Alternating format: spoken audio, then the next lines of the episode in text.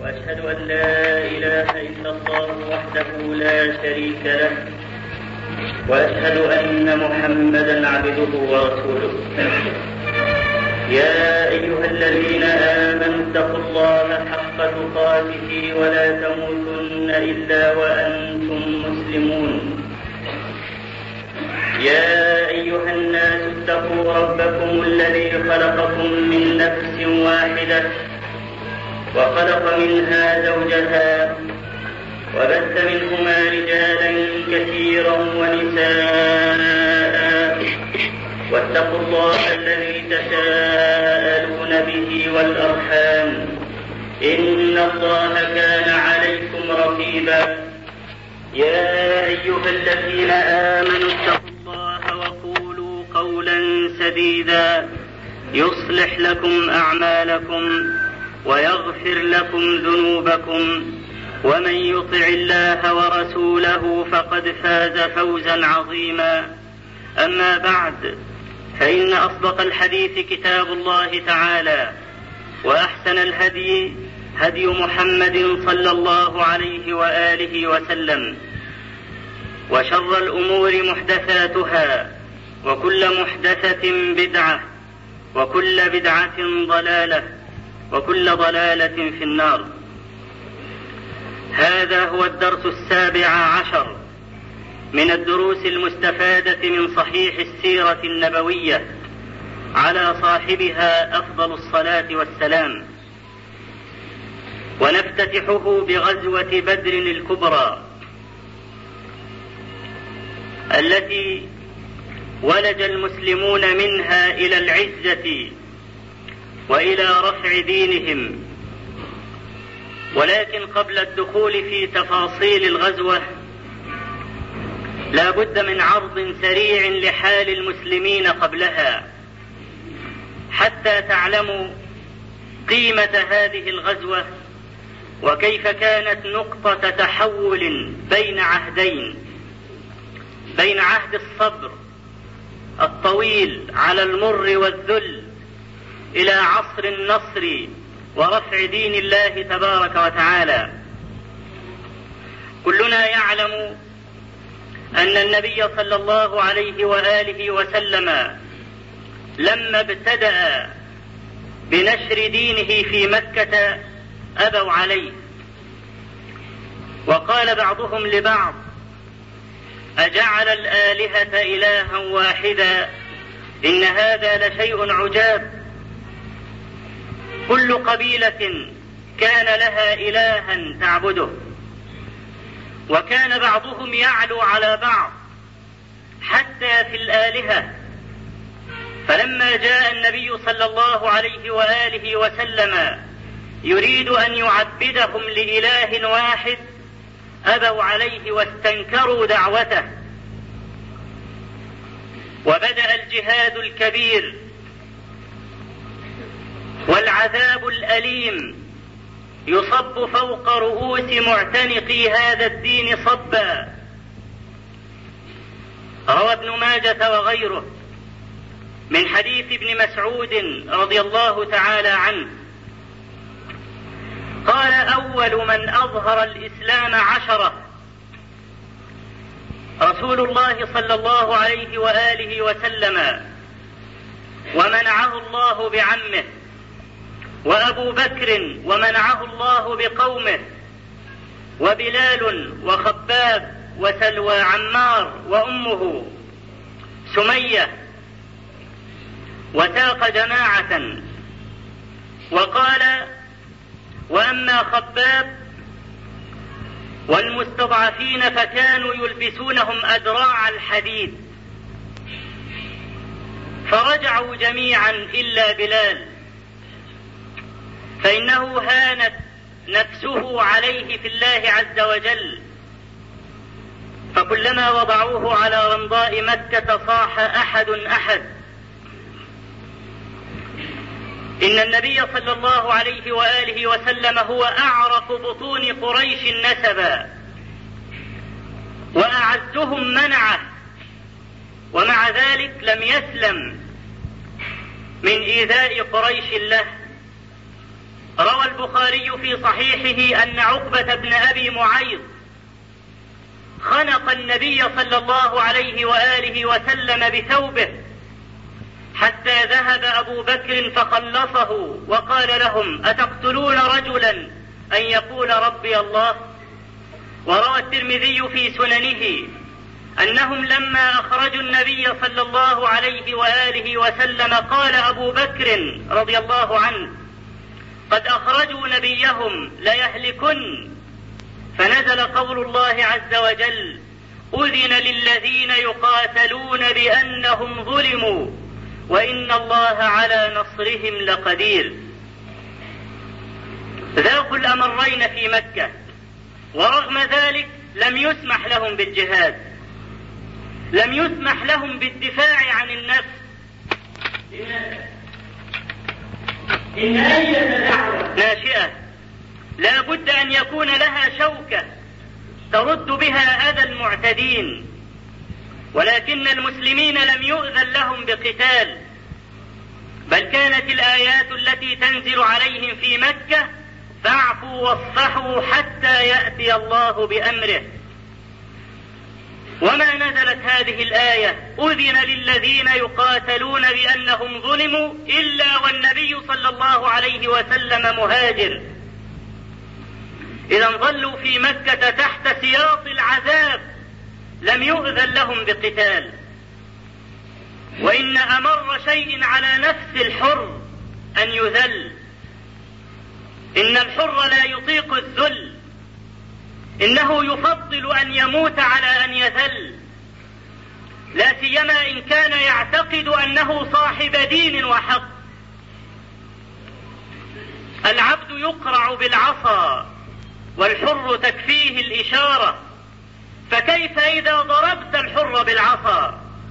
إذا كانت الإشارة تحركه وتؤذيه وتؤلمه وتقض عليه مضجعه فما بالك إذا استخدمت الصوت معه؟ مر. لا يطيقه الحر. يذلون من الكفار ويذوقون العذاب الأليم ويمنعون من القتال. لماذا يمنعون من القتال؟ قال الله عز وجل إن الله يدافع عن الذين آمنوا إن الله لا يحب كل خوان كفور. أذن للذين يقاتلون بأنهم ظلموا. وإن الله على نصرهم لقدير. قال بعض المسلمين لبعض هلا قتلنا بعض صناديد الكفر؟ انتقاما لنا؟ ولمن قتلوهم من إخواننا؟ فنزل قول الله عز وجل إن الله يدافع عن الذين آمنوا. إن الله لا يحب كل خوان كفور. إنك إذا قتلت أبا جهل غيلة وغدرا فإن هذا داخل في باب الخيانة. والله لا يحب كل خوان كفور. لم يحل لهم أن يقتلوا المشركين غدرا وخيانة.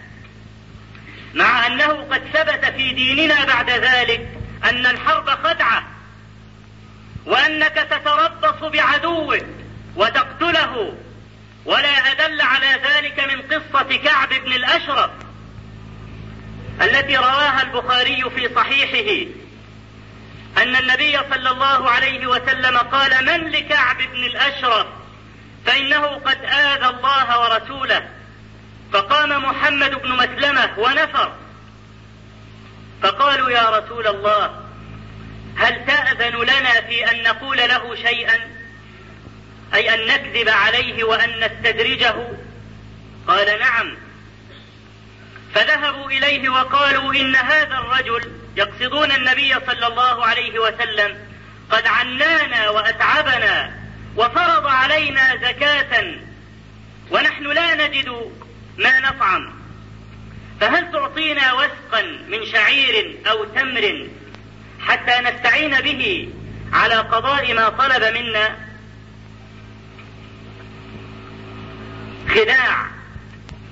وقد أذن النبي صلى الله عليه وسلم أن يخدعوه.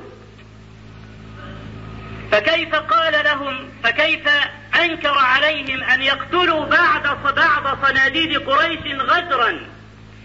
وغيلة ونزل قول الله عز وجل واضحا إن كنتم تريدون النصر فإن الله يدافع عن الذين آمنوا. وإن كنتم تريدون أن تقتلوهم غدرا فإن الله لا يحب كل خوان كفور. إن الأحكام الشرعية تتبدل بحسب وضع المسلمين. بدليل أن هناك أحكاما كثيرة نسخت بعد ذلك. يؤمرون بأمر ثم يجد لهم من الأوضاع ما يجب أن يتغير هذا الأمر فيتبدل. أما الذي لا يتبدل مع الزمان والمكان هي الثوابت المتعلقة بالعقيدة. لو أن المسلمين بدأوا دينهم بالقتل والغدر والخيانة لما وجدوا لهم أذنا صاغية عند أحد. مع الزمن سيصيرون عصابة تقتل وتسفك الدم. والنبي صلى الله عليه وسلم لما جاء قال آمركم بعبادة الله وحده وأن تخلعوا الأنداد وأن تصلوا الرحم. فهل من وصل الرحم أن يقتل عمه أبا لهب؟ يقولون له إن قولك مخالف لفعلك فلا يؤمنون به ولا يصدقونه لا سيما إن قال لهم هلموا إلى جنة عرضها كعرض السماوات والأرض. كيف نصدقك؟ أمرتنا بصلة الأرحام وقتلت عمك وقتلت خالك وقتلت جارك. فلست بصادق. إن تحمل الأذى أهون بكثير من هذه السمعة التي قد تلتصق بالنبي صلى الله عليه وسلم ودينه.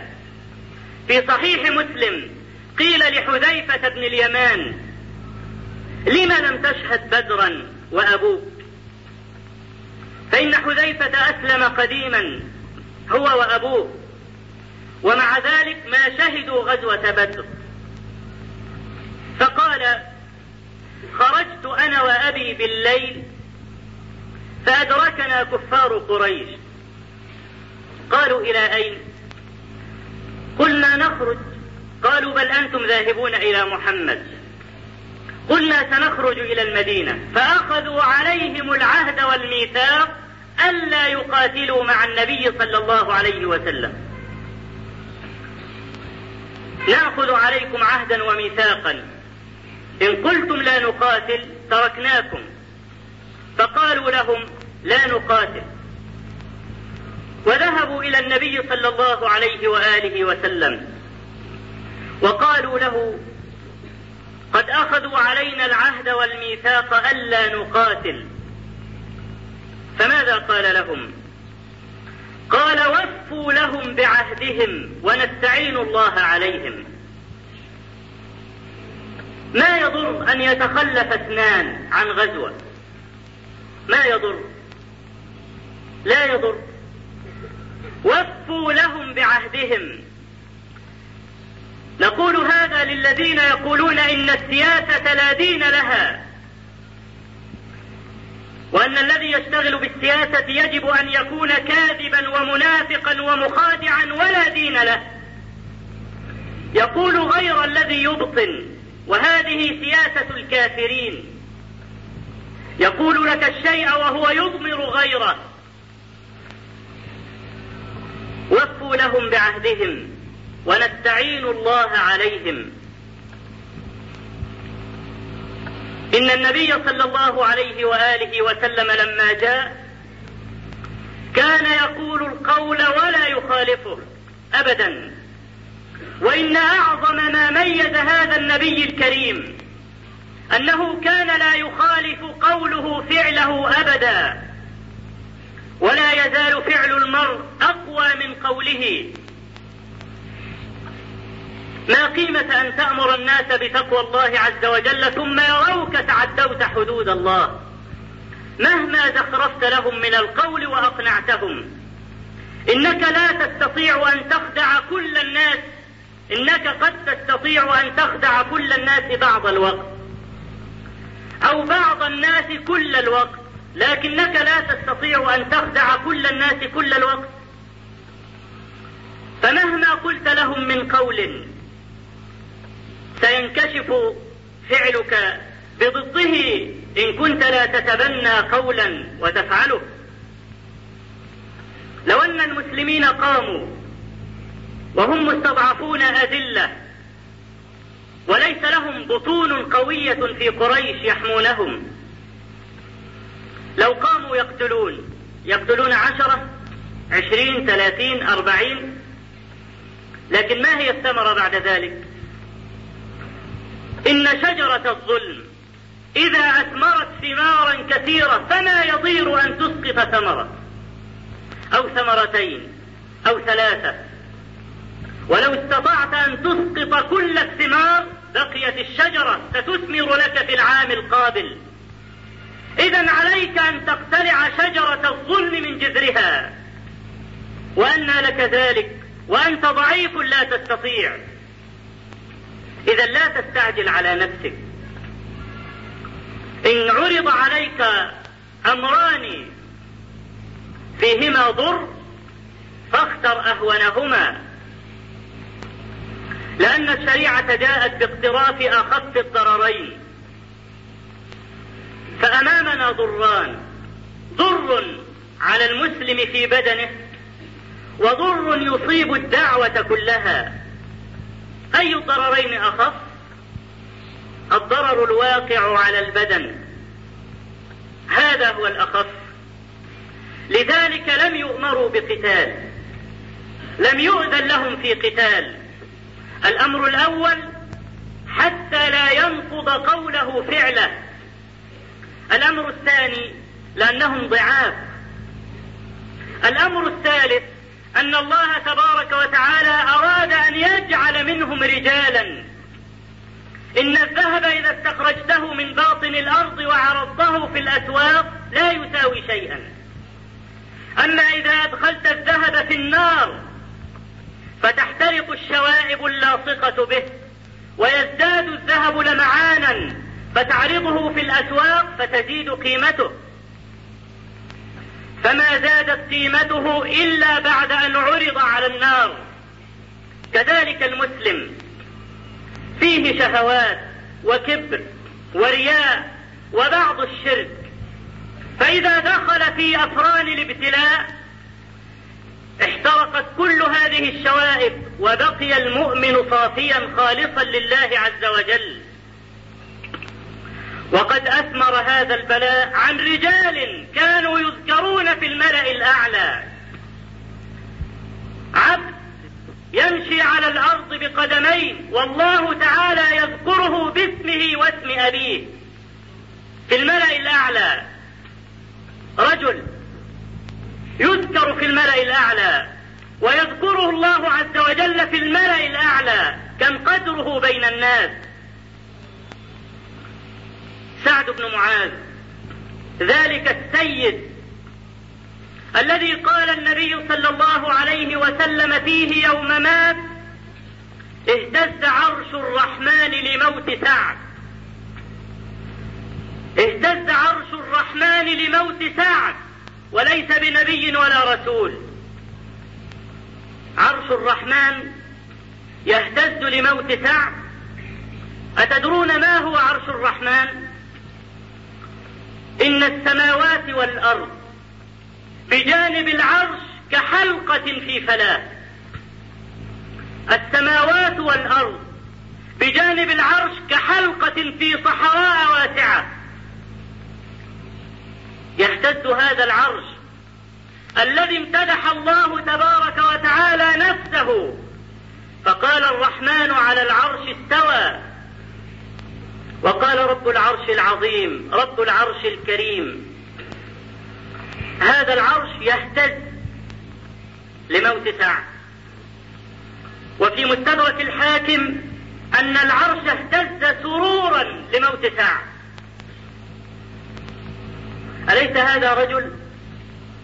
ممن رباهم النبي صلى الله عليه وآله وسلم. لما جيء بمناديل من حرير وعرضت على النبي صلى الله عليه وآله وسلم كما في صحيح البخاري من حديث أنس. وصار الصحابة يتحسسونها ويتعجبون من نعومتها.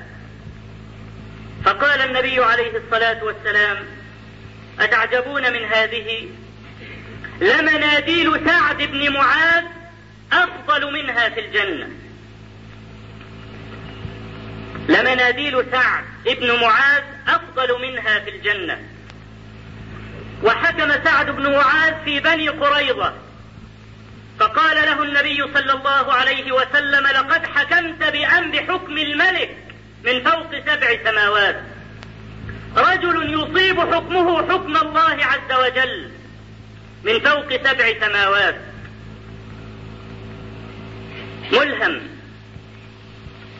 ملهم معلم. في صحيح البخاري أن النبي صلى الله عليه وآله وسلم نادى أبي بن كعب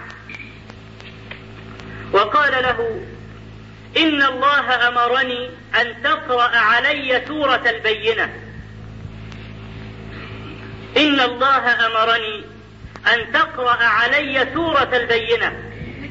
فقال أبي وسماني لك. قال نعم فبكى أبي. وسماني لك يعني قال لك مر أبي بن كعب أن يقرأ علي عليك سورة البينة. قال نعم فبكى أبي. لما يقول الله عز وجل لنبيه صلى الله عليه وسلم مر أبي بن كعب أن يقرأ عليك سورة البينة. كم يكون قدر أبي؟ إذا ذكره الله عز وجل. وفي صحيح البخاري أن جبريل عليه السلام قال للنبي صلى الله عليه وآله وسلم يا رسول الله إن خديجة آتية. فأبلغها من ربها السلام ومني. أبلغها من ربها السلام ومني. فجاءت خديجة رضي الله عنها أكمل النساء وأفضل النساء على الإطلاق. ما دانتها امرأة لا عائشة ولا غيرها. هي أفضل النساء قاطبة. فقال لها النبي صلى الله عليه وسلم إن ربك يقرئك السلام وجبريل. فقالت إن الله هو السلام وعلى جبريل السلام. ما أفقه ما أفقه خديجة. ما أفقهها لم تقل على الله السلام. إنما قالت إن الله هو السلام. وعلى جبريل السلام ففرقت ما أفقهها؟ امرأة يسلم الله عز وجل عليها باسمها ويسلم عليها جبريل. لقد ربى النبي صلى الله عليه وسلم رجالا ذكروا في الملأ الأعلى. وما كان هؤلاء يذكرون إلا بعد أن يبدو منهم صلاحا وصدقا في الإيمان. أحسب الناس أن يتركوا أن يقولوا آمنا وهم لا يفتنون؟ هل بمجرد أن يقول آمنت أصدقه أسلم له؟ لا. ولقد فتنا الذين من قبلهم فلا يعلمن الله الذين صدقوا ولا يعلمن الكاذبين. لا بد من فتنة حتى يعلم الصادق من الكاذب. ولا يكون هذا إلا بالابتلاء. إن قريشا سلكت كل طريق. سلكت طريق التهديد. وطريق التصفية الجسدية. وسلك الطريق الدبلوماسية كما يقال بلغة العصر طريق المهادنة. فذهب عتبة بن ربيعة بعد أن استيأسوا جميعا من أن يترك أحد المسلمين دينه. ذهب عتبة بن ربيعة وهو رجل رزين وهادئ ولسن وعنده في القول لحن. فقال يا محمد إن كنت فعلت ذلك تريد مالا جمعنا لك مالا حتى تكون أغنانا وإن كنت تريد ملكا ملكناك. فقال النبي صلى الله عليه وآله وسلم قولا واحدا. أنه قرأ القرآن. فبدأ من حاميم السجدة سورة فصلت وصل إلى قوله تبارك وتعالى فإن أعرضوا فقل أنذرتكم صاعقة مثل صاعقة عاد وثمود. فرفع عتبة بن ربيعة يده وسد فم النبي صلى الله عليه وسلم وقال حسبك. كانوا يعلمون أنه صادق وكانوا يخافون منه. حسبك. خاف أن يقع العذاب عليهم. فشل في أن ينتزع منه شيئا بالمساومة. ينتزعون ماذا؟ هذا رجل اصطفاه الله عز وجل لنشر دينه في الوثنيين الذين يعبدون الإله ويأكلونه كان الواحد منهم يصنع إلها من عجوة فإذا جاع أكله ما أهون هذا الإله وأتفهه إذا جاع المعبود يؤكل آلهة من حجارة. لا تغني شيئا. أراد أن يستخرجهم من هذه الأوحال. إلى نور الإسلام. لكن الجاهلية الجهلاء التي طمس الله تبارك وتعالى عليها لا تهتدي إلى الحق. وضع يده على فمه لأنه خاف في صحيح البخاري من حديث ابن مسعود رضي الله عنه. قال كان النبي صلى الله عليه وسلم يصلي عند الكعبة وكان يجلس عندها نفر منهم أبو جهل ومن وعتبة بن ربيعة وشيبة ابن ربيعة. فقال أبو جهل أيكم يقوم إلى سلا جزور بني فلان الذي ذبح بالأمس فيضعه على ظهره وهو ساجد؟ السلا اللي هو مكان البهيمة في بطن أمها. وهو يقابل المشيمة في الآدميين بيت الولد. فقال أيكم يضع هذا السلا على ظهره وهو ساجد. فانبعث أشقاها. فقام وأخذ السلا فوضعه على ظهره وهو ساجد. قال ابن مسعود فلو كان لي منعة لمنعتهم. لو كان لي منعه لأنه إن, لأنه إن منعهم قتلوه. وليس له منعه قال فانطلق رجل إلى فاطمة فأخبرها فجاءت تسعى وهي جويرية صغيرة. فطرحت السلع عن ظهر أبيها صلى الله عليه وسلم وهم يتضاحكون يتمايل بعضهم على بعض. فلما قضى النبي صلى الله عليه وسلم صلاته رفع يديه إلى السماء وقال اللهم عليك بأبي جهل اللهم عليك بعتبة بن ربيعة وشيبة بن ربيعة وفلان وفلان. قال فلما رفع يديه إلى السماء ودعا ذهب الضحك عنهم وتغير وجههم وكانوا يخافون دعوته. فوالله ما جاء بدر إلا وقتلوا جميعا وسحبوا إلى قليب بدر. إن ربك لبالمرصاد لكنكم قوم تستعجلون. الظالم الذي ما ملأ الأرض بالظلم كتب الله عز وجل أنه يقتل في الشهر القادم أو في اليوم القادم والجميع يدعو عليه. ويقولون متى يموت؟ لماذا يتركه الله؟ أما آن له أن يموت فيستريح منه البلاد والعباد. وقد قضى الله تبارك وتعالى أنه هالك. ولكنكم قوم تستعجلون. ما بين بدر وما بين عذاب المشركين في مكة لا يتعدى ثلاث سنوات.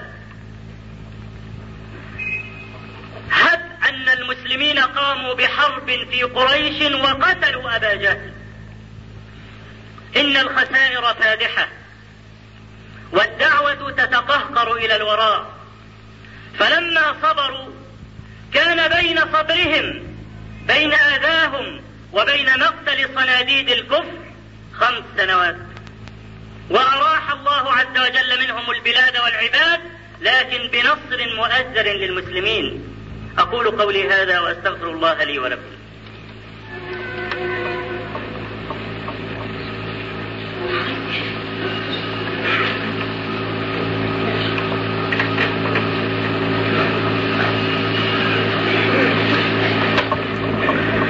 الحمد لله رب العالمين. له الحمد الحسن والثناء الجميل. وأشهد أن لا إله إلا الله وحده لا شريك له. يقول الحق وهو يهدي السبيل. وأشهد أن محمدا عبده ورسوله. صلى الله عليه وعلى آله وصحبه وسلم. إن من الفقه الذي يؤخذ من صبر المسلمين على أذى قريش أن المسلم إذا كان في بلدة وكان حالها يشابه حال قريش ولو في بعض الوجوه أنك يجب أن تصطحب الحكم الذي أقره النبي صلى الله عليه وآله وسلم هناك. لذلك يخطئ بعض المفسرين عندما يقول إن قول الله تبارك وتعالى أذن للذين يقاتلون بأنهم ظلموا. وإن الله على نصرهم لقدير. قال بعض المفسرين هذه الآية نسخت كل آية للعفو والصبر في القرآن. وهذا خطأ جسيم. لم يقل أحد من الذين صنفوا في ناسخ القرآن ومنسوخه أن هذه الآية نسخت كل آية للصفح والعفو عن المشركين في القرآن. ابدا. ابدا. بل آيات الصفح تجري حتى قيام الساعة ومعناها قائم حتى قيام الساعة. لكن إذا وجد مقتضاها هب أنك في بلدة يدين أهلها بالإسلام إثما فقط. لا يدينون دين الحق حقا. ينهون عن الربا فيأكلونه. وينهون عن الزنا فيقترفونه. وينهون عن القتل فيتعاطونه. ويؤمرون بالصلاة فلا يركعون ولا يسجدون. ويؤمرون بالزكاة فلا يمتثلون. لو أنك في بيئة كهذه البيئة وهي موجودة وأردت أن تنشر دين الله تبارك وتعالى ومعك عصابة من المؤمنين أتقاتلونهم؟ أتقومون عليهم بالسيف؟ إذا يستعصلون شأفتكم ولا طريق لكم. فماذا نفعل؟ لا سيما إن كان حملة الحق من الشباب الغض الذي لا يمتلك لا دينارا ولا درهما ولا منصبا قويا. وهذا هو المنع. ماذا يفعل أولئك؟ لا بد أن يصبروا.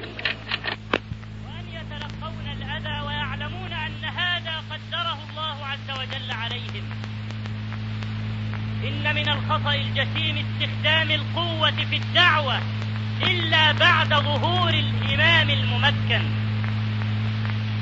الذي يستطيع أن ينتصر بمن معه على عصابة الشرك والظلم. استخدام جنزير أو مطوة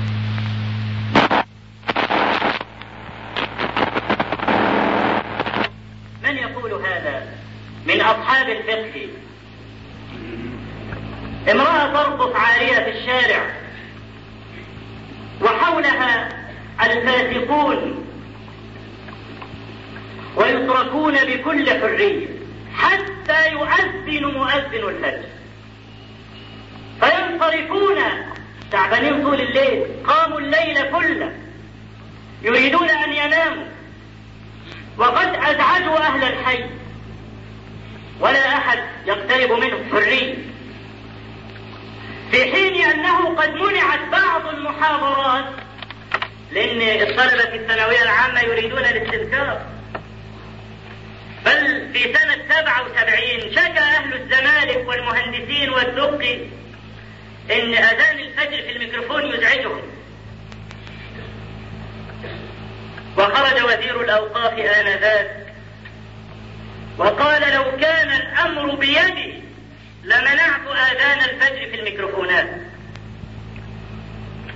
لو كان الأمر بيدي تخرج المرأة ترقص عارية وحولها الفسقة فبعض الشباب يشعر بالغير على دينه. كيف هؤلاء يصعدون بقامتهم في دولة مسلمة ويفعلون ما يريدون. إذا ما هو الحل؟ الحل ننزل عليهم بالجنازير والمطاوي وزجاجات المفرقعات. ونفض هذا الفرح. وبالفعل يفعلون ذلك. فما تكون النتيجة؟ كانت النتيجة وهي كانت فعلا وحدثت أن أي رجل الآن في بعض المناطق التي تستخدم فيها هذه الأساليب يذهب إلى قسم الشرطة يتقدم بطلب إنني أريد أن أزوج ابني وعايز أجيب راقصة وفرقة موسيقية فأريدكم أن تزودونني بثلاث عربات للأمن المركزي. ثلاث عربات للأمن المركزي حتى يلتفوا حول الفرح فيحفظوننا. كم كانت الخسارة؟ لقد أجبروا هؤلاء على أن يستخدموا القوة في حماية المنكر. في حين أن هذا المنكر كان يمكن أن يموت شيئا فشيئا بتوعية الناس.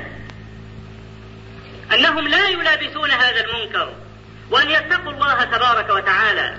وأن يتقدموا ببلاغات وشكاوى أن هذا يزعجنا. وأننا لا نستطيع أن ننام.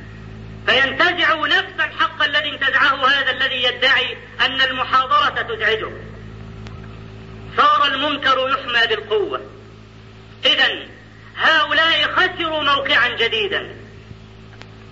بهذه الرعونة. كم من الناس من العصاة تاب. لما وجد واحدا يفتح له آفاق التوبة. لا تتصوروا أن كل العاصين مصرين على العصيان. من يقول هذا؟ إن هناك من العاصين من يريد أن يتوب لكن ظروفه تمنعه. أنتم تعلمون قصة أصحاب الغار وأن أحد الذين دعوا الله تبارك وتعالى قال اللهم إنه كان لابنة عم وكانت من أحب الناس إلي. فأصابتها سنة أي مجاعة وحاجة. فجاءتني فطلبت مني نقودا فراودتها عن نفسها فأبت. ثم جاءت إلي بعد ذلك فراودتها عن نفسها فوافقت. فلما كنت منها مكان الرجل من امرأته قالت اتق الله يا عبد الله ولا تفض الخاتم إلا بحقه. فكنت عنها وهي أحب الناس إلي. جاءت لابن عمها تطلب مالا لكنه كان لئيما. راودها عن نفسها في مقابل أن يعطيها مالا. فأبت. ثم جاءته بعد ذلك. لماذا رجعت إليه؟ كأنها طافت على الناس فلم تجد قلبا رحيما. لم تجد أحدا يعطيها مالا. تأكل هي وأولادها.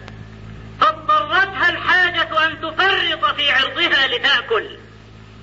فإنها لا تتحمل صيحات الأولاد الصغار الذين يتضاغون من الجوع. رضيت. ورجعت إليه مذعنة تفرط في عرضها لأن أبواب الرحمة أغلقت في وجهها وردت إليها يداها صفرا خائبتان. رضيت ورجعت. فكم من أصحاب المعاصي إنما اقترفوا هذه المعاصي بسبب الحاجة أولا ثم صار مجرما بعد ذلك. كم من الزانيات ولجن باب الزنا بسبب الحاجة.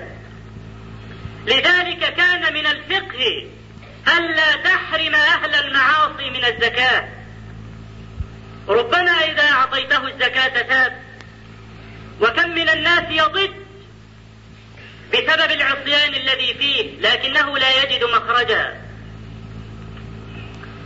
إن الذين يلجؤون إلى استخدام القوة في إنكار المنكر وليسوا هم أهلا أهلا للإنكار بالقوة في نظر الشرع فشلوا في أن يحتووا الناس وأن يدعوا الناس بالحسنى لأن دعوة الناس أمر من ترويض الوحوش. إنك قد تفلح في أن تجعل القرد ينام نوم العازب أو يعجن عجين الفلاح في شهر أو في شهرين أو ثلاثة. تستطيع أن تفعل هذا. وقد تعجز طيلة عمرك في أن تقنع إنسانا بحق. مجادل. فهؤلاء فشلوا في حقل الدعوة. ولم يستطيعوا أن يحتووا الناس فلجأوا إلى فرض القوة. فخسروا خسرانا مبينا. وتقهقرت عجلة الدعوة إلى الوراء سنين عددا. إننا يجب أن ننظر إلى الفترة المكية التي عانى المسلمون فيها من الذل والهوان. فنستصحب حالهم إلى حال أية بيئة فيها نفس المقتضى. فنفعل مثلما كان النبي صلى الله عليه وآله وسلم يفعل مع أصحابه. ألم يمر صلى الله عليه وسلم على آل ياسر؟ وهم يعذبون العذاب الأليم وليس في يديه شيء. قال لهم صبرا آل ياسر فإن موعدكم الجنة. ما يصبر إلا رجل قد أيقن أن موعده الجنة فعلا. لأن العذاب يذهب العقل. العذاب يذهب العقل. فإذا ذكرته بالجنة وليس معه إيمان يحتمي به لم يصدق. فالنبي عليه الصلاة والسلام رسولهم وصاحب دعوتهم وصاحب دعوتهم عاجز. لا يستطيع أن يحميهم سوى ببضع كلمات في غاية الصدق.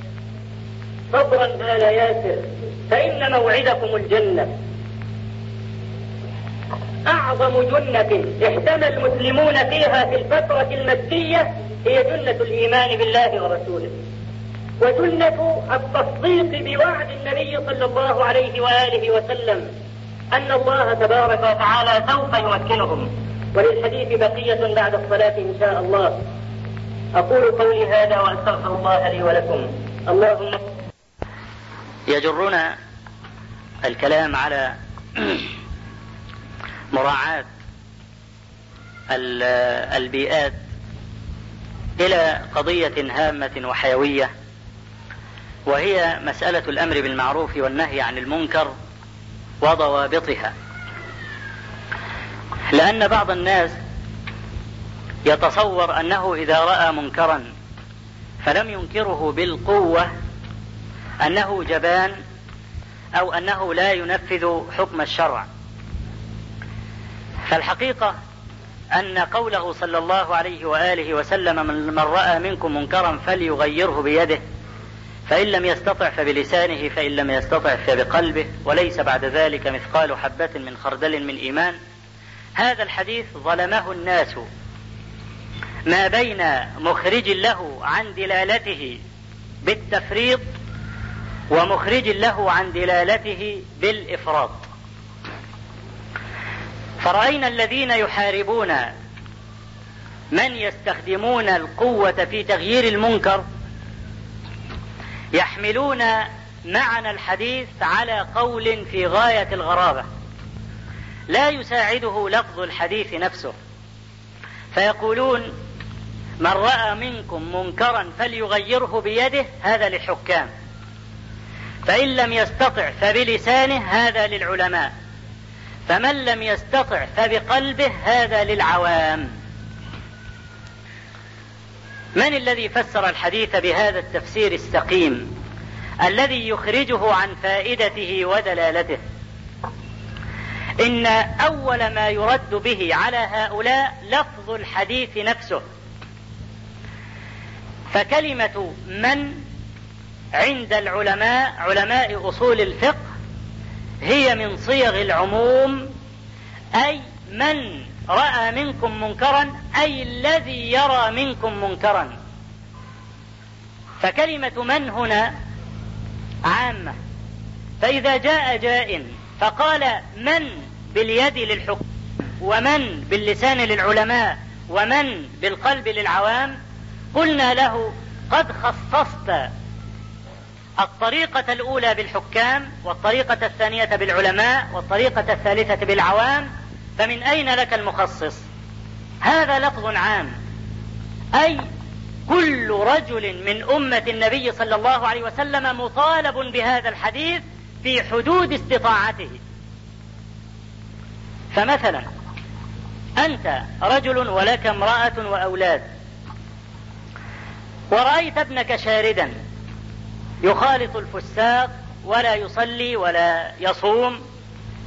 هل تستدعي له رئيس الجمهورية يؤدبه؟ لأن الإنكار باليد للأمراء والحكام. هل تستدعي له رئيسك يؤدبه؟ لأنك من العوام؟ لا. أنت بين أهلك وأولادك أنت الحاكم. لذلك فالذي عليه العلماء أن هذا الحديث ينطبق على كل إنسان في حدود استطاعته وولايته. إذا تخصيص هذا الحديث بآراء الرجال لا قيمة له. بل الذي عليه العلماء أن يخصص كلام النبي صلى الله عليه وسلم بكلامه أيضا صلى الله عليه وسلم أو بدليل شرعي. وقول العالم مهما جل لا يعد دليلا. لذلك فلا يخصص كلام النبي عليه الصلاة والسلام بكلام الناس.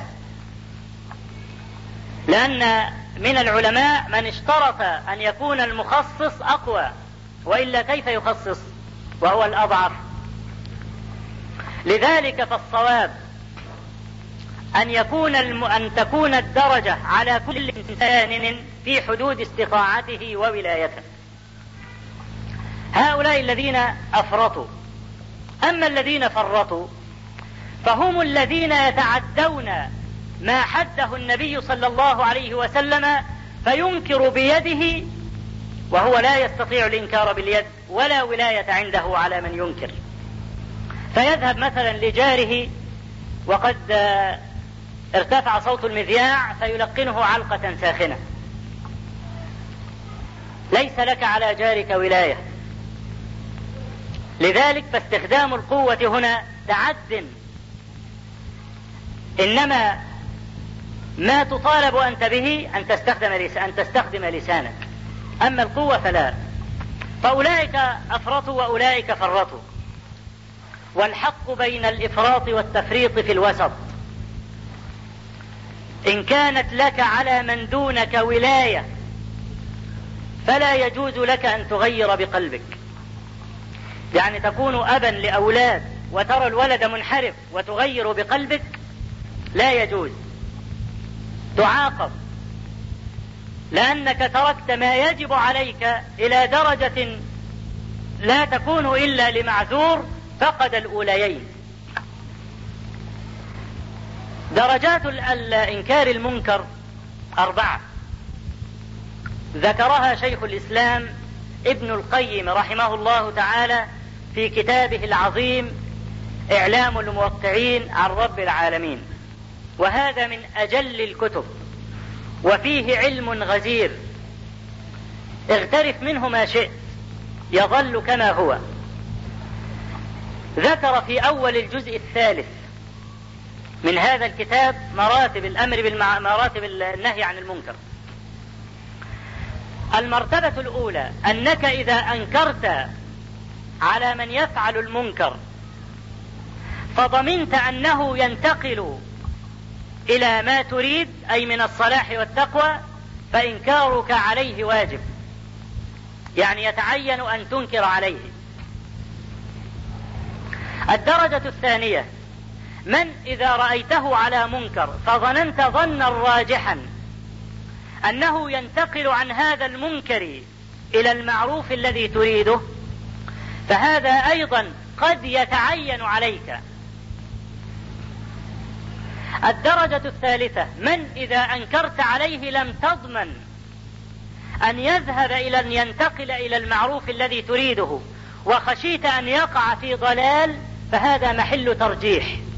أنت ترجح وترى أيهما هو الأصوب. أنه إذا ترك المنكر الذي عليه هل ينتقل إلى منكر أعظم منه؟ أم لا؟ محل ترجيح. الدرجة الرابعة. من إذا علمت أنك إن أنكرت عليه هذا المنكر وقع في منكر أعظم منه حينئذ لا يحل لك أن تخرجه من هذا المنكر. هذه هي الدرجات الأربعة وإليك الأمثلة.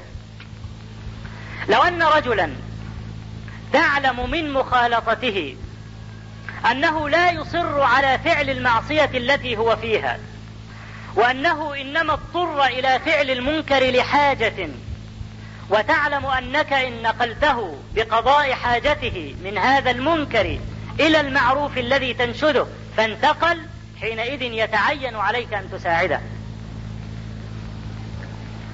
إذا هذا داخل في حدود استطاعتك.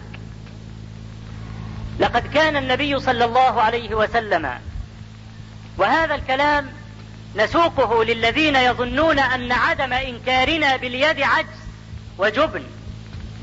لقد كان النبي صلى الله عليه وسلم يمشي في طرقات مكة وهو يرى رايات الزنا ترتفع على البيوت ويرى الأصنام في جوف الكعبة وهو يصلي هناك ويرى الذين يشربون الخمر ولا يستطيع أن يفعل شيئا. ما علمنا أنه كسر راية من رايات الزنا ولا دخل جوف الكعبة فكسر صنما. وهذا رسول الله صلى الله عليه وسلم. كيف يرى هذه المنكرات ولا ينكرها بيده؟ لأنه لا يستطيع ولأنه لم يؤمر بذلك. وأتباعه الذين كانوا معه أمروا أن يكفوا أيديهم. ولا ينكرون المنكر باليد إنما باللسان.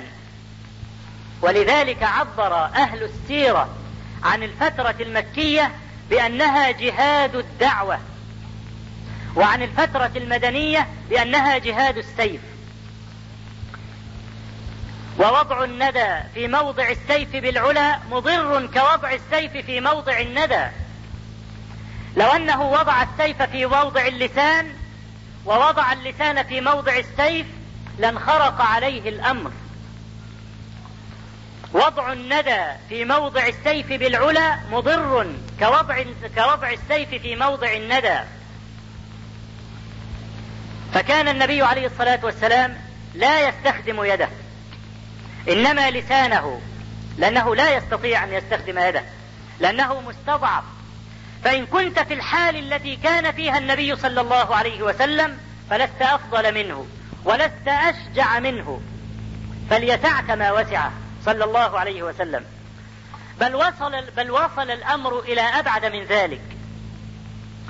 في صحيح البخاري وهذا كان في الفترة المدنية يعني بعدما قويت شوكته وعزت دولته وتمكن قال لعائشة رضي الله عنها لولا حدثان قومك بالكفر لهدمت البيت وبنيته على قواعد إبراهيم. لولا حدثان قومك بالكفر لهدمت البيت وبنيته على قواعد إبراهيم. لماذا لم يهدم الكعبة ثم يعيد بناءها على قواعد إبراهيم السابقة؟ عليه السلام لأنه خاف والناس حدثاء عهد بكفر أن ينقلبوا ويقولون لم يعظم شعائر الله وهدم البيت العتيق. خاف على الناس لأنهم أقرب إلى زمان الكفر. رجل صار له ثلاثين أو أربعين أو خمسين سنة في الجاهلية يعبد الأصنام. وكان له في الإسلام عشر سنوات أو عشرين سنة. يعني هو أقرب إلى الجاهلية قضى فيها معظم عمره. فيخشى أنه إن هدم الكعبة وكانت معظمة عندهم جدا أن يقولوا قد هدم البيت العتيق ولم يراعي حرمته. فيرجعون إلى الكفر. وهو في عز دولته وقد تمكن لكنه يراعي الأمر. فهكذا يجب على الذين يتصدون إلى تغيير المنكر أن يكون عندهم من الفقه ما يعصمهم من ارتداد العوام. يعني مثلا لو أنت ظلمت في قضية في الشرطة فليس كل فرد في الشرطة هو ظالمك. فهل من العدل أنك إذا رأيت رجل شرطة أو ضابط شرطة أن تصوب إليه رشاشا أو أن تطعنه بسكين نحن لازلنا ننعى على الشرطة أنهم إذا لم يجدوا الجاني أخذوا أمه أو أخته أو أخاه أو عمه. وما ذنبهم؟ وما ذنبهم؟ ولد اشتط. ما ذنب أبيه؟ ما ذنب أخيه؟ ما ذنب أمه حتى تؤخذ وتعلق؟ أو أبوه يؤخذ ويعلق ويعذب ما ذنبه؟ إن هذا من الظلم والعدوان البين.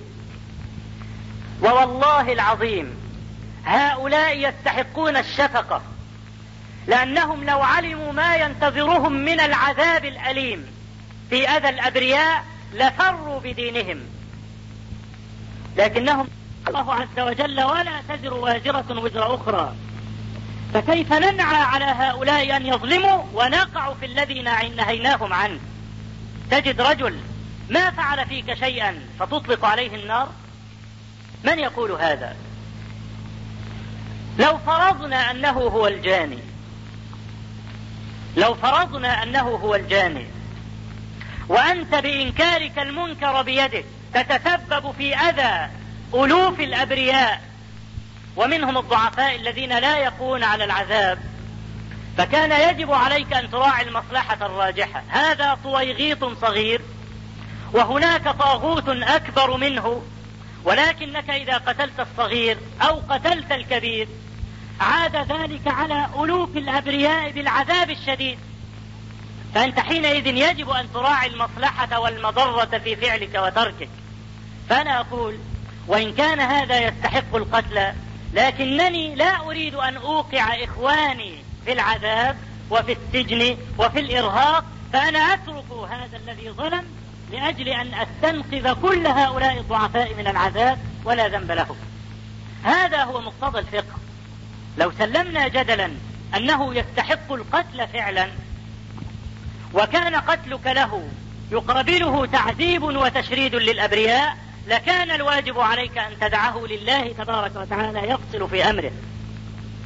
لكن الذي يحدث بغير ذلك يتصور أنه إن لم يقتله فهذا جبن. وهذا تخلي. وإن الدعوة لن تنتشر. وإنه يجب أن يعلم أولئك الظلمة أن هناك شوكة تقف في حلوقهم. فيتورط في قتل هذا أو في ضرب ذاك فتكون النتيجة التي نعرفها نحن جميعا. لا. إن من الوجوه السلبية التي نتجت عن إنكار المنكر بالقوة أن بعض الآباء بل إن كثيرا من الآباء صاروا يمنعون أبناءهم من الصلاة مع أصحاب اللحى أو من الصلاة في المساجد الشرعية التي تقيم السنة خشية عليهم وعلى أنفسهم. من أندر ما سمعنا وهي كالنكتة. انه في أحداث 81 دخلوا فقبضوا على رجل. وجدوا عنده كتابا في التراجم. تراجم الرواة رواة الحديث. وكتاب التراجم ده 12 مجلد في حوالي سبعة آه في حوالي 12 ألف راوي. على الحروف الهجائية. يبدأون بمن اسمه أحمد تبركا باسم النبي صلى الله عليه وسلم.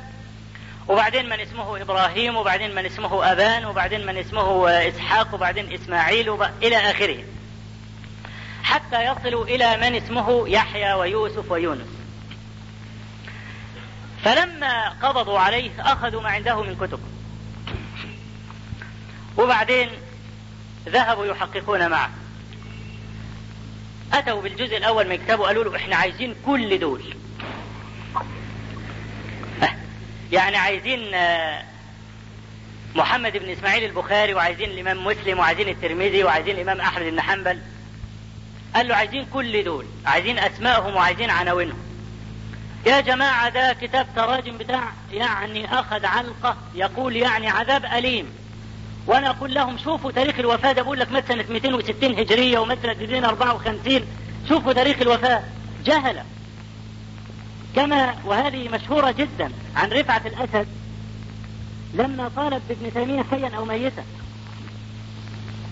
ونشر هذا في في الصحف والجرائد وتعزيل ابن تيمية حيا أو ميتا فهم إذا قبضوا على رجل يقول له مثلا وهذا حدث بالفعل.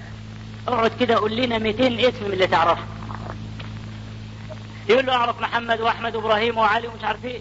يوقعونه في العذاب الأليم. يا ابن فلانة وفلانة وعلانة. بقى أحمد ومحمد وإبراهيم هنجيبهم منين؟ قول لنا محمد بن فلان وعلي بن فلان ومحمود بن فلان. وأين اسماء؟ وأين عناوينهم؟ وبالفعل يقترف بعض الأسماء. يقولها وهو لا يدري. يأخذ الأسماء ويذهبون إليه. يفاجأ الرجل في جناه في قبل مؤذن الفجر ما يؤذن بالباب يكسر عليه ويطلع ويضرب ويعمل المراتب ويشقها ويطلع العزال وبتاع وآخر بهدلة. إيه يا جماعة في إيه في ولا يدري شيئا. وبعدين يؤخذ هناك يحقق معه ويضرب ويضرب تعرف فلان تعرف فلان لا أعرفه. طب فلان الفلان ابدا والله ده أنا عزمته على كشري أو عزمته على طعمية عزم ولا أعرفه إلا في هذه العزومة فقط. ويعذب العذاب الأليم. في سنة 81 كان معنا رجل فلاح من المنيا. وفوجئنا عليه داخل بملابسه الداخلية. إيه يا فلان؟ قال أنا كنت راكب الدابة حمار ومعي الجاموسة الوحيدة لي وذاهب إلى الحقل فأنزلون وركبون العربية الجب فلا أدري أين الحمار وأين الجاموسة. ليه؟ لأن مطلوب من اللي بيقبض 15 واحد. مطلوب منه 15 واحد إلا بد يجيب 15 واحد. وبعدين يدخل بقى في الكشوفات إن ده معدود من الزعماء ومن ال وهو لا يدري شيئا. فمن هذه التصرفات صار الرجل يقول لابنه لا تصلي في المساجد التي تقيم السنة ولا تمشي مع أي حد من الملتحين. لماذا؟ لأنه قد يقبض على هذا الرجل في يوم من الأيام فيقال من تعرف فيذكر اسمك فندخل في الموال الطويل. ويؤخذ الأب وتؤخذ الأم وآخر بهدلة فهذا بلا شك ظلم وعدوان بين. لو أني أعلم أنني إذا فعلت هذا عذب كل أولئك وتقهقرت الدعوة سنين طويلة إلى الوراء.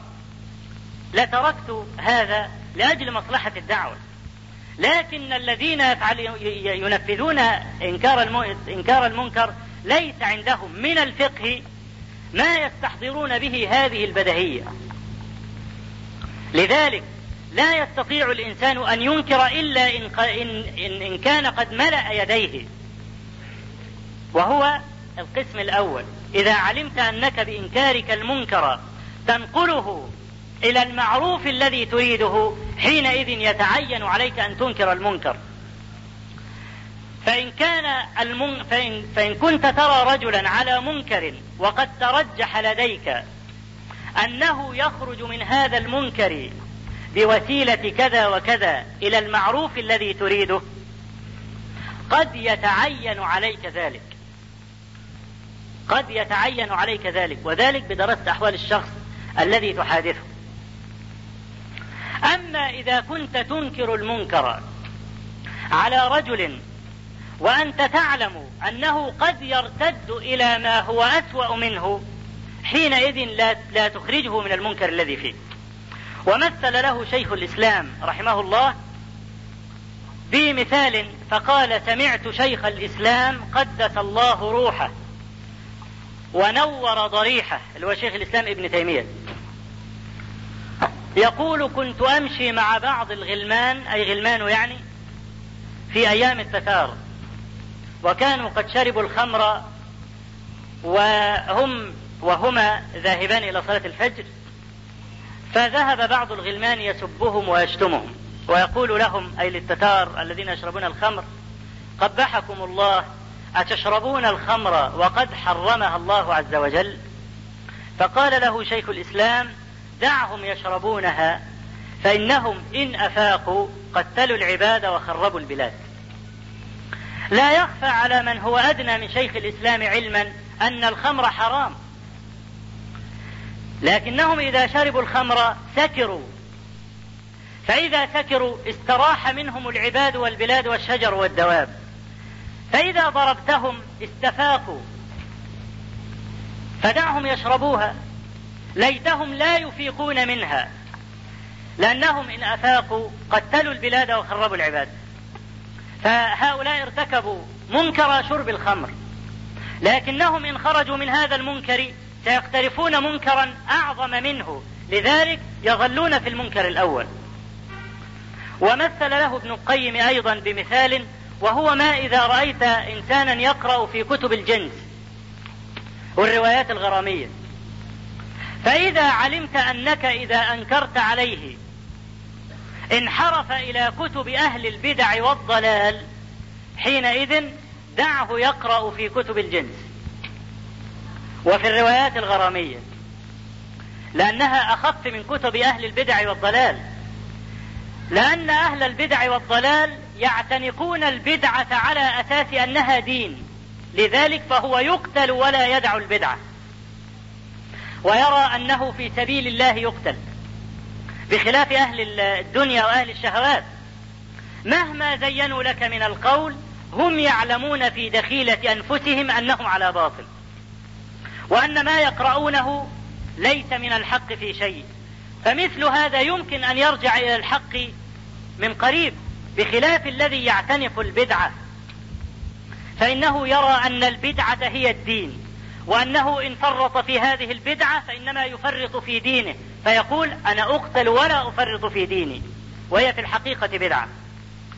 فدخوله في كتب أهل البدع والضلال أشر من دخوله في كتب أهل الأهواء وفي كتب الجن. إذا إنكار المنكر يجب أن يكون وراءه فقه. ولذلك قال العلماء لا يجوز للجاهل أن يتصدر لإنكار المنكر والأمر بالمعروف. لأنه قد ينكر سنة. وقد رأينا بعض الناس يعيرون من يطيل شعره. ويقولون أن هذا تشبه بالنساء. ويعيرون من يكتحل من الرجال ويقولون هذا تشبه بالنساء. مع أن الاكتحال سنة. والنبي صلى الله عليه وسلم قال من اكتحل فليكتحل وترا. وكان صلى الله عليه وسلم يكتحل. وكان يطيل شعره حتى يضرب إلى منكبيه. وكان يقول لأصحابه من كان له شعر فليكرمه. ونهى عن القزع. القزع اللي هو منتشر في الأرياف إن هو يحلق الشعر كله بالكوريك وبعدين يسيب للولد شوش. هذا اسمه القزع. ففيه تشويه لصورة الولد وفيه ظلم للرأس إذ أنه ترك بعضه عاريا وبعضه كاسيا. والله تبارك وتعالى يأمر بالعدل والإحسان وليس هذا من العدل والإحسان. أن تعري بعض الرأس وأن تترك بعضه مكسوا ونظيره نهي النبي صلى الله عليه وسلم أن يجلس الرجل ونصفه في الظل ونصفه في الشمس. لأن هذا ظلم للبدن. والله تبارك وتعالى يأمر بالعدل. فكان من جملة النهي عن القزع ألا تشوه هذا الشعر. فكيف يأتي رجل فيقول إن إطلاق الشعر تشبه بالنساء أو تعاطي الكحل للرجال تشبه بالنساء؟ لا يجوز لجاهل ولا لعامي ليس عنده فقه أن يتصدر للأمر بالمعروف والنهي عن المنكر. لاحتمال أنه قد ينهى عن سنة وقد يؤيد بدعة. فإذا قلت له إن الأذان سبعة عشر كلمة كما في الحديث الصحيح. وإن الصلاة على النبي صلى الله عليه وسلم عقب الأذان بدعة أنكر عليك ذلك أشد الإنكار. وقال كل الناس يفعلون هذا. وهم فعله آباؤنا وأجدادنا وأجدادهم. ويحتج بفعل أولئك على إثبات سنية الأمر. وينكر عليك أنك تنكر المنكر. فهذا قد أتي من جهله. وكذلك الذي مثلا يسلم عليك بعد الصلاة حرما. إنهم يقيمون هذه مقام السنة. فإذا أنكرت عليهم استعظموا هذا الأمر وأثبتوا سنية الفعل وهو بدعة. فتنظر إليهم سبحان الله كيف أنهم قلبوا الأمر. حتى قال بعض العلماء لله دره انظر إلى فعل الناس واعكسه تجد السنة. انظر إلى فعل الناس واطلب عكسه تجد السنة. ومثل لذلك بمثال في غاية الطرافة. قال مثلا انظر إلى لبس الناس. ترى أن المرأة قد أمرت أن تطيل ذيلها شبرا على الأرض الجلباب يعني يجرجر على الأرض فإذا به تلبسه فوق الركبة أو تحت الركبة. وقد أمر الرجل أن يرفع ثوبه تحت الركبة. وتنظر إلى الرجل أمر أن يرفع ثوبه تحت الركبة فإذا به يجرجر بثوبه على الأرض. عكست ما فعل الناس ظفرت بالسنة. النبي عليه الصلاة والسلام يقول إزرة المؤمن إلى أنصاف ساقيه. نصف الساق إلى هنا. ويأمر النساء أن يرخين ذيولهن شبرا أو ذراعا. فترى النساء قد رفعوا الذيل إلى نصف الساق والرجال قد إيه؟ قد أطلن أزرهن شبرا.